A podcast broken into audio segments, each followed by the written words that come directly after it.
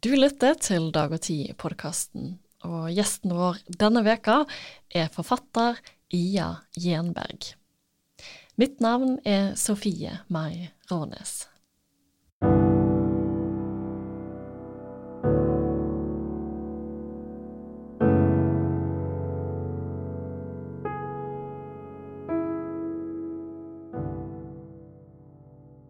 Gjesten denne veka vant Augustprisen 2022 for boka 'Detaljene'. Boka kom ut på norsk i år og ble meldt av Hilde Vesaas i Dag og Tid. Detaljene var en nyting å lese, skrev hun. Ida Gjenberg debuterte i 2012 med romanen 'Søta fredag', og har etter det skrevet romanen 'Sent farvel' og novellesamlinga 'Klen trøst' og fire andre berettelser om penger. Velkommen til oss, Ida Gjenberg. Mm, tack. Du eh, sitter i Stockholm i dag. De siste dagene så har du reist rundt i Sverige for å promotere den nyeste boka di, 'Detaljene'. Og det er den vi skal prate om i dag. Aller først gratulerer med stor suksess. Romanen din den er nå solgt for utgiving til 26 land. Aller først så lurer jeg på Du skrev din første roman når du var i 40 år, faktisk 45. Var det noe spesielt som gjorde att du begynte då å skrive?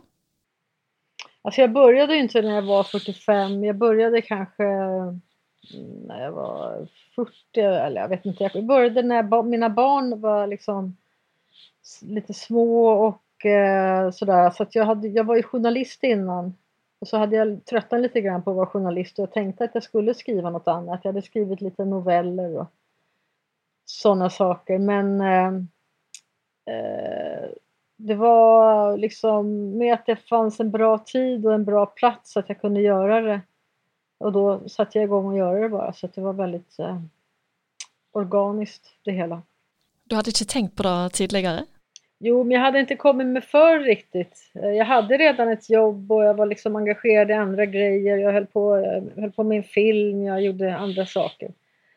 Eh, så att jag eh, hade skrivit några noveller som jag hade fått liksom väldigt bra respons på. Så då kände jag ändå så ja men här kanske kan bli något någon gång när jag gör någonting mer, när jag får tid. Och så fick jag tid och så började jag skriva helt enkelt.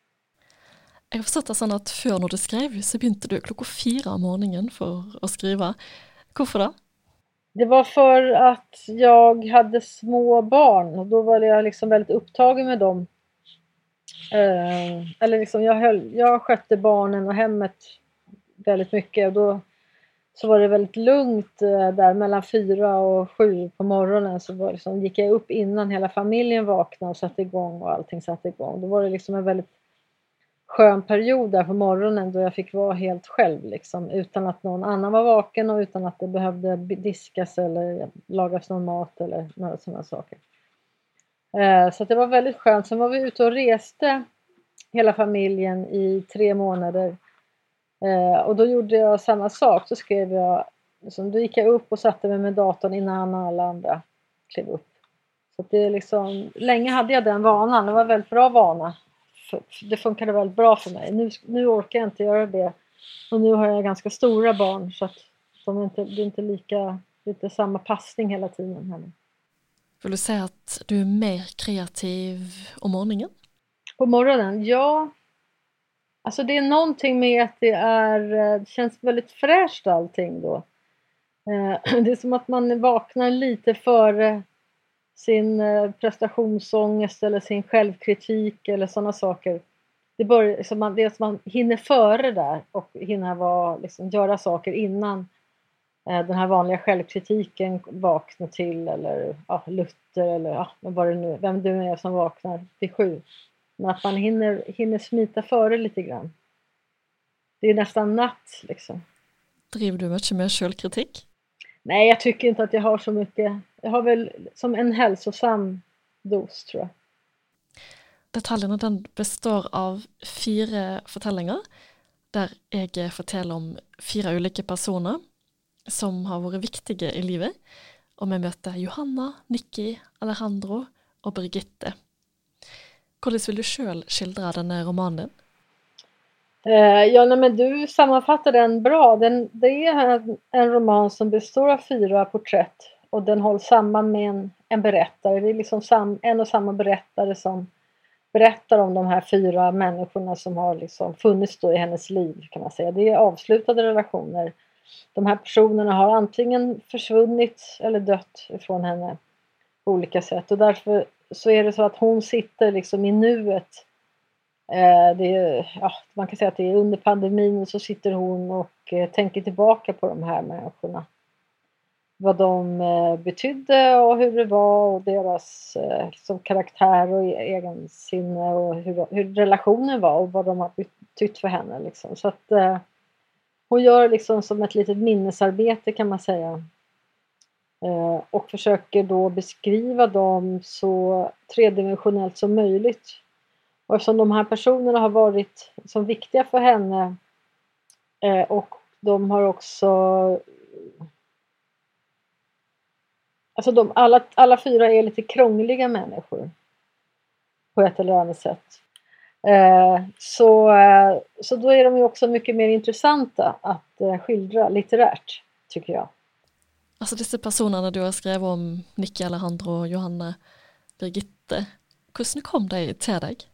Eh, ja, men de kom till mig som Eh, ja, alltså det började ju med att eh, jag själv hade feber under första vågen av covid eh, och fick ett väldigt starkt minne. När jag slog upp en, en, en bok så eh, lite på måfå i bokhyllan under liksom en feberattack så fick jag så starkt minne av den personen som hade gett mig den här boken för 25 år sedan. Och då så skrev jag utifrån det, så det var liksom en ett starkt riktigt minne som jag skrev utifrån och sen hittade jag ju på jättemycket såklart. Eh, men eh, det känns ju som att vi all, många av oss har ju känt de här människorna. De är lite typiska på en del sätt. Men de är också hela och liksom lite egna. Så att det var liksom inga problem egentligen att hitta på dem på något vis. De, de är som sammansatta människor av folk som jag har känt eller hört, liksom hört talas om. Eller, ja, sådär. Så hela den här romanen här startar med covidfeber? Det kan man säga, ja. Så om man vill göra det enkelt så kan man säga att det startade på det sättet. Men eh, det finns ju alltid flera olika berättelser om hur en bok startar och till slut så blir den berättelsen liksom en berättelse i sig. Jag skrev egentligen på en annan bok Eh, men så fick jag det här starka minnet vid, där vid bokhyllan så då började jag skriva på den här boken istället. Så skrev jag den här, det först, skrev jag det första porträttet och sen när jag var klar med den så fortsatte jag på min andra bok. Men sen fick jag liksom en idé då till nästa porträtt så skrev jag nästa porträtt. Och då tänkte jag att de här hörde ihop på något sätt och det var liksom samma ton och samma, skriven i samma melodi och eh, som jag gillade väldigt mycket. Det var väldigt kul att skriva de här. Så då visade jag dem för min förläggare och då sa han att jag skulle fortsätta skriva. Det var väldigt käckt att arbeta med denna bok och at mens du skrev att detta här blir bra, detta kommer att bli en succé? Ja, nej, nej absolut inte. Jag, jag, eh, jag kände själv att jag tyckte att det var roligt att skriva. Men huruvida en bok blir populär eh, eller läst eller omtyckt eller så, det kan man liksom aldrig veta innan det, det, det, har man, det går inte att ha kontroll över det. Det gäller bara att skriva så bra som man själv kan så att jag själv uppskattar det. Liksom. Varför tror du att eh, boken har blivit så gott likt? Eh, jag vet inte, den verkar ha slagit an någon nerv i samtiden där folk verkar vilja prata om relationer och prata om minnen och eh, om människor och sånt. Jag tror att folk är intresserade av sådana här saker. Det kanske är någon sorts inåtvänd grej också med, folk, med eh, mm, alltså jag, jag, jag, vet inte riktigt. Det verkar ha slagit an någon nerv hos folk. Sen är den ganska kort också så att, och kompakt. Så att den är ganska lätt, man läser den ganska fort även om man kanske ibland måste läsa den sakta så går det ändå ganska snabbt att läsa den eftersom den är så kort. Så att den är kanske liksom som en liten munsbit sådär bare lese en liten setning fra boka di som jeg tenker kanskje beskriver godt hvorfor mange eh, liker denne boka eller kjenner seg igjen i boka. da. Vi lever så mange liv inne i livet vårt. Mindre liv med mennesker som kommer og går, venner som forsvinner, barn som vokser opp. Og jeg forstår aldri hvilke av livene mine som er selve rammen. De fleste av oss tenker jo på hvem er vi, og hvordan har jeg blitt sånn som jeg har blitt. Var detta spørsmål som du tänkte på mest du skrev?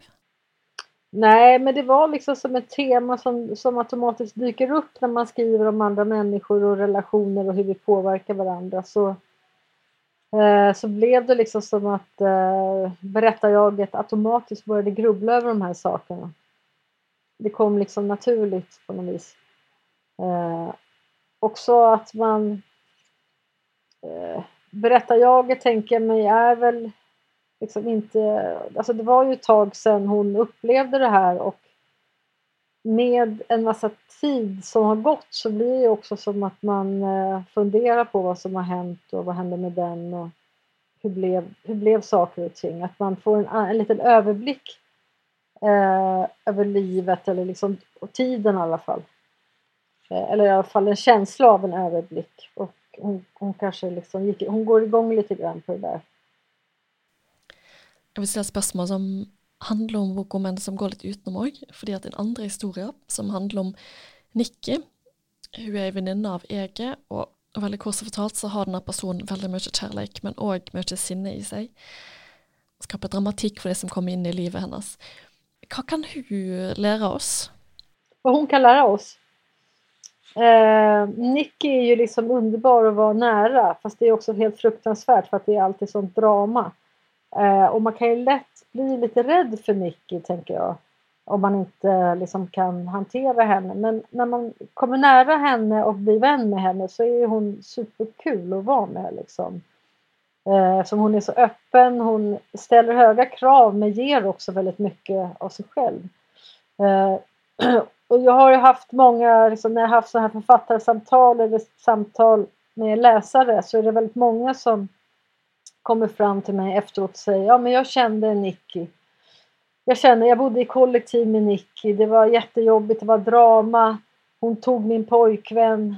Eh, hon skulle ta livet av sig. Hon, alltså hon är, det är så dramatiskt. Eh, så det, det, jag tror att hon, eh, hon är liksom som en eh, typ, men som man inte glömmer heller. Så har man känt Nicky så minns man Nicky. Vi ska begynne å avslutte nå snart. Men noe av det som er hovedlinjen i romanen er jo at en blir påvirka av alla alle en møter i livet, og noen mer enn andre. Og noen, selv om en kanskje bare treffer de noen timer eller en dag, likevel så kan de sette store spor i oss. Og et spørsmål som dukka opp når jeg tenkte på dette, var hva er det som får deg til å føle deg levende? Nej, men det är väl som bara barnen och människor liksom. Folk. Alla möjliga folk. Jag tror att det är ganska samma för alla. Jag tror att det är samma sak för alla människor på jorden. Eh, liksom andra levande varelser, så skulle jag kunna säga. Det är väl det som håller oss vid liv. Vi hör ju ändå ihop på ett väldigt grundläggande sätt tror jag. Eh, du och jag och alla, allt som lever. Liksom. Da vil jeg bare si tusen takk, Ia Jernberg, for at du var gjest i Dag og Tid-podkasten denne uka. Vad fint. Tack så jättemycket.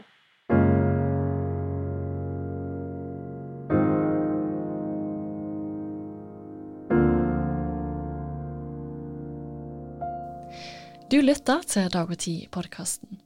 Og hvis du har tilbakemeldinger på podkasten vår, så send meg gjerne en e-post. Sofie krøllalfa dagogti.no. Takk for at du lytta.